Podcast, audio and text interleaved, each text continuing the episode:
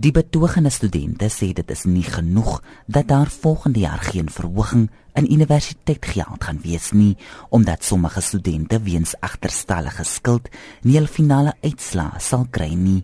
Dit is hoekom hulle besluit het om weer eens te begin met hulle betogings.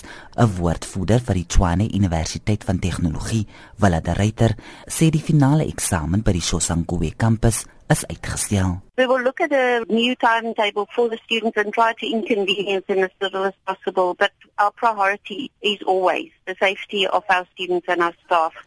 And in view of difficulties that we experience on an ongoing basis, management had to make a call and was decided that these days will be suspended.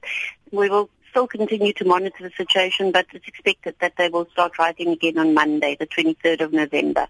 The exams at all other TUT campuses will continue as scheduled. By die Noordwes Universiteit is studente van die organisasie Reform Pik ongelukkig omdat hulle nie vandag se raadsvergadering kan bywoon nie.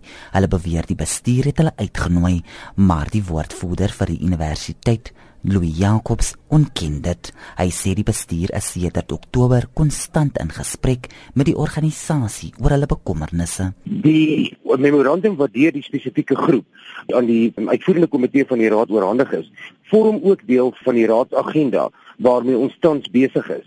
So daar is uitdruklik vir die groep gesê dat hulle nie te woord gestaan gaan word nie.